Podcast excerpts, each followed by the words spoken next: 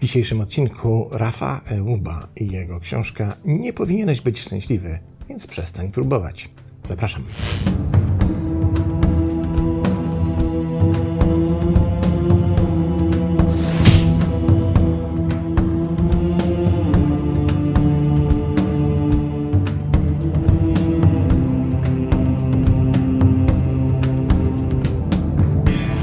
Tradycyjnie zaczniemy od tego, żeby sprawdzić, kim jest autor książki.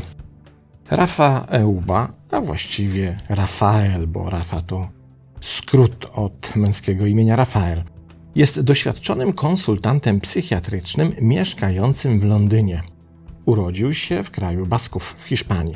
Po zdobyciu odpowiednich kwalifikacji medycznych Został psychiatrą w Anglii, gdzie pracował w wielu różnych środowiskach, od ekskluzywnych prywatnych klinik po biedne slumsy.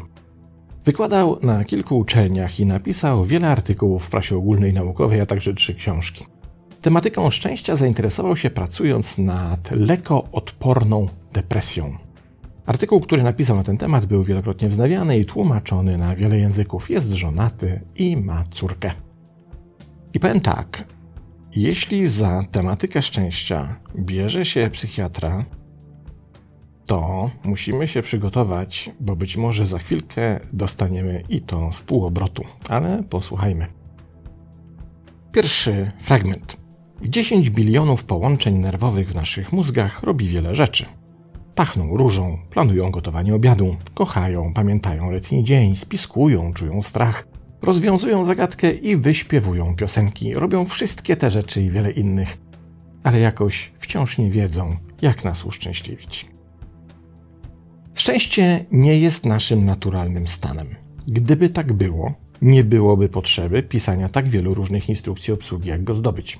Jest to wyłącznie konstrukt powstały w głowie, abstrakcyjna idea nieobecna w naszym rzeczywistym ludzkim doświadczeniu i pozbawiona podstawy biologicznej. Ogromny przemysł szczęścia i pozytywnego myślenia pomógł stworzyć fantazję, że szczęście jest realistycznym celem, czymś, co jest potencjalne w nas, jeśli tylko pozwolimy mu się wyrazić. Bolesna prawda jest niestety inna. Nie mamy być szczęśliwi, ani nawet zadowoleni. Zamiast tego zostaliśmy stworzeni po prostu do przetrwania i rozmnażania się, jak każda inna istota w naturalnym świecie. W rzeczywistości stan zadowolenia i szczęścia jest raczej odradzany przez naturę, ponieważ obniżyłby naszą czujność przed możliwymi zagrożeniami dla naszego przetrwania.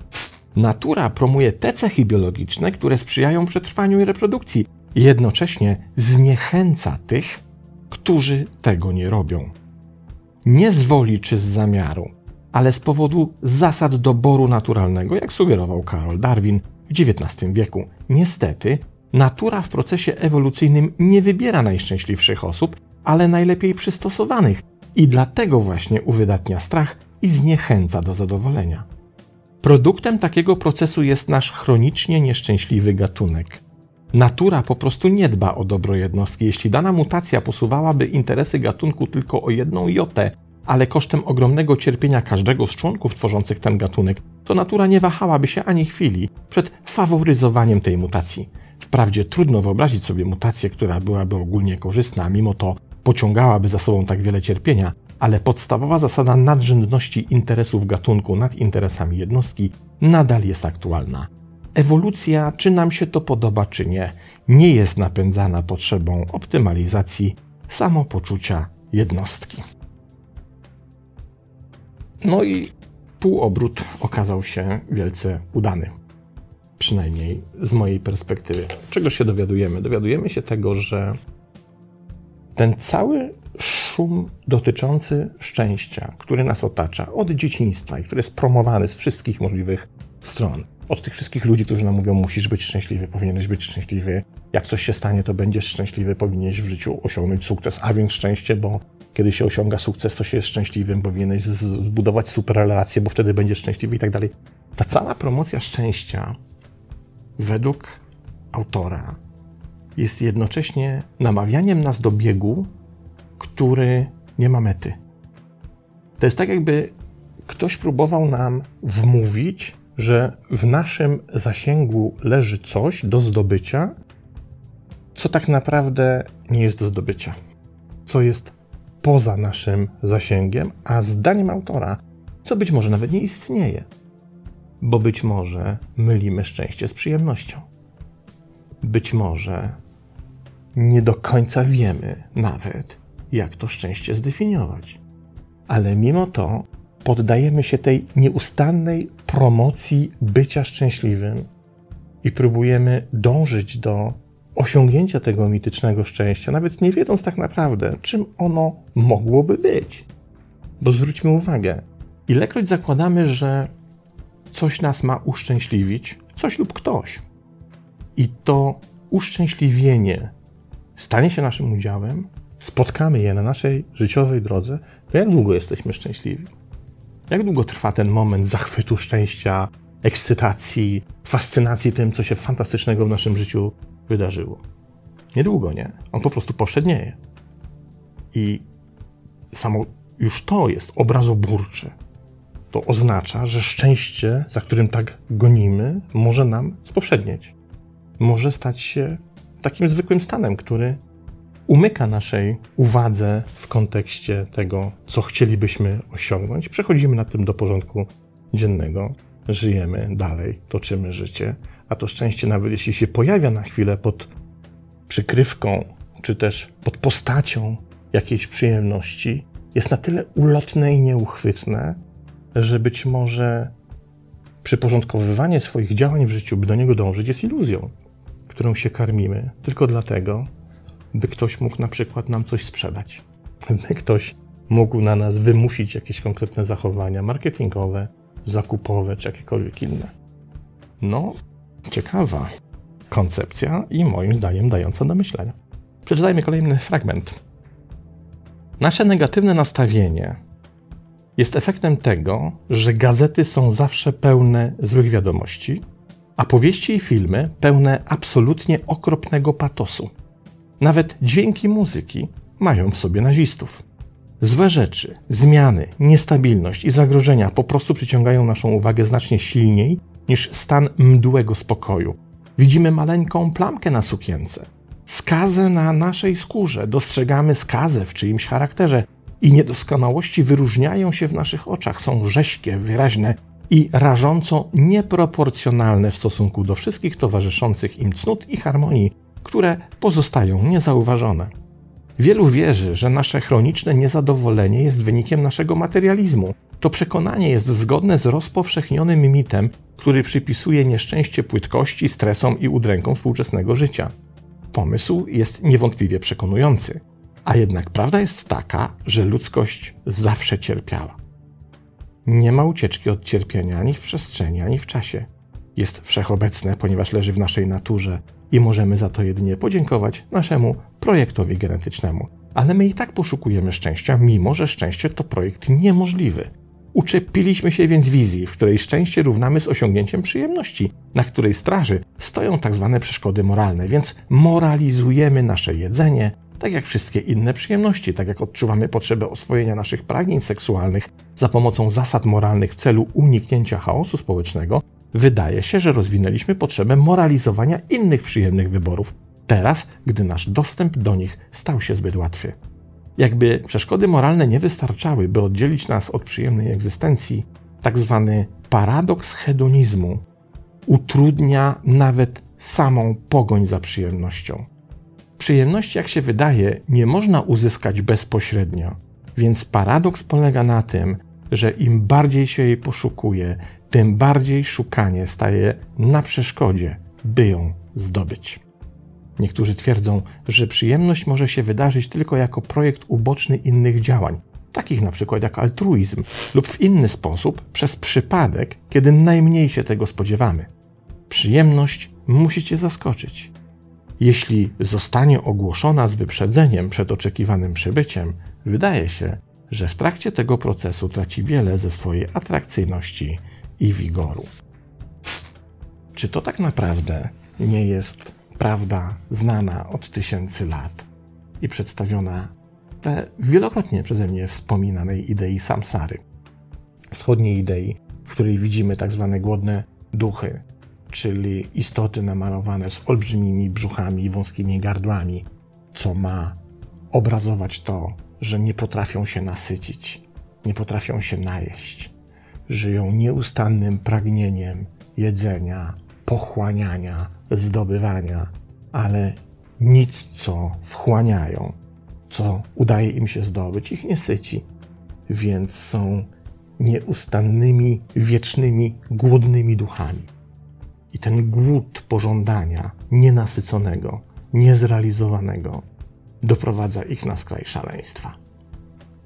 Czy czasem to, co mówi pan psychiatra, jak widać, bez ogródek, nie jest tą samą ideą, która mówi, że jako te głodne duchy unieszczęśliwiamy siebie właśnie poprzez pogoń za szczęściem, nawet nie wiedząc, czym ono tak naprawdę jest. A być może facet ma rację. Może szczęście to nie jest nasz naturalny stan. Może to mrzonka, którą nam mówiono i za którą staramy się gonić. Posłuchajmy dalej. Pieniądze szczęścia nie dają, ale kupują strasznie dużo rzeczy pośrednio ze szczęściem związanych, takich jak lepsze warunki mieszkaniowe, zdrowie, edukacja, bogatsze życie kulturalne, czas wolny, komfort na starość, a co najważniejsze, kupują przywilej braku konieczności martwienia się o pieniądze. Żadna z tych rzeczy nie daje szczęścia, nawet gdy są zgrupowane, ale ich brak nieuchronnie niesie ze sobą poważne poczucie nieszczęścia. Krótko mówiąc, pieniądze nas uszczęśliwiają, ale tylko do pewnego stopnia, podczas gdy ich brak na pewno sprawi, że będziemy nieszczęśliwi. Po raz kolejny droga do smutku wydaje się być bardziej wiarygodna niż droga do radości, a mimo to nie ustajemy w poszukiwaniach raju. Raju nie można znaleźć na mapie, mimo iż istnieje wiele miejsc o nazwie Eden. Sporo z nich powstało na przedmieściach w okresie boomu budowlanego lat 30. Oferowały ogrodzony, zielony raj z dala od zadymionych horrorów śródmieścia.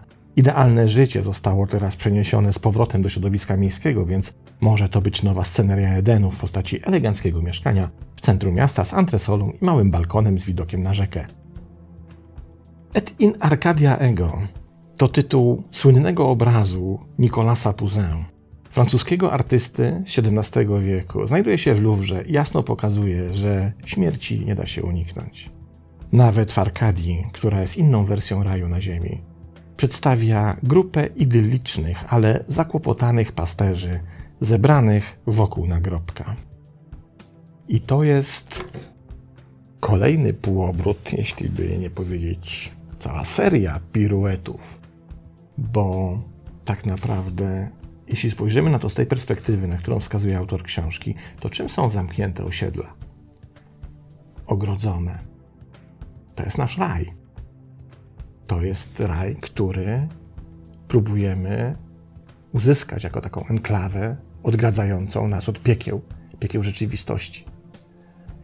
Uznajemy, że będziemy w tym raju szczęśliwi, na tych ogrodzonych przedmieściach. Znacie kogoś, kto mieszka w takim miejscu? Zapytajcie, czy jest szczęśliwy. Jak się okazuje, wcale tak nie musi być. Ilość kłopotów wynikających z samego aktu mieszkania w takim miejscu staje się czasem druzgocąca dla poczucia własnego szczęścia. I kolejna rzecz, przecudowna. Nicola Poussin. Nie wiem, czy kojarzycie ten obraz. Tak właśnie wygląda. Etin Arcadia Ego. On mówi coś niezwykłego, to jest XVII wiek. Otóż na tym obrazie widzimy pasterzy pochylających się nad nagrobkiem, na którym widnieje napis Moje szczęście jest w Arkadii. Tyle, że to jest napis, który nie jest mottem osoby żywej, ale kurde, znajduje się na nagrobku. Co nam chciał powiedzieć Poussin?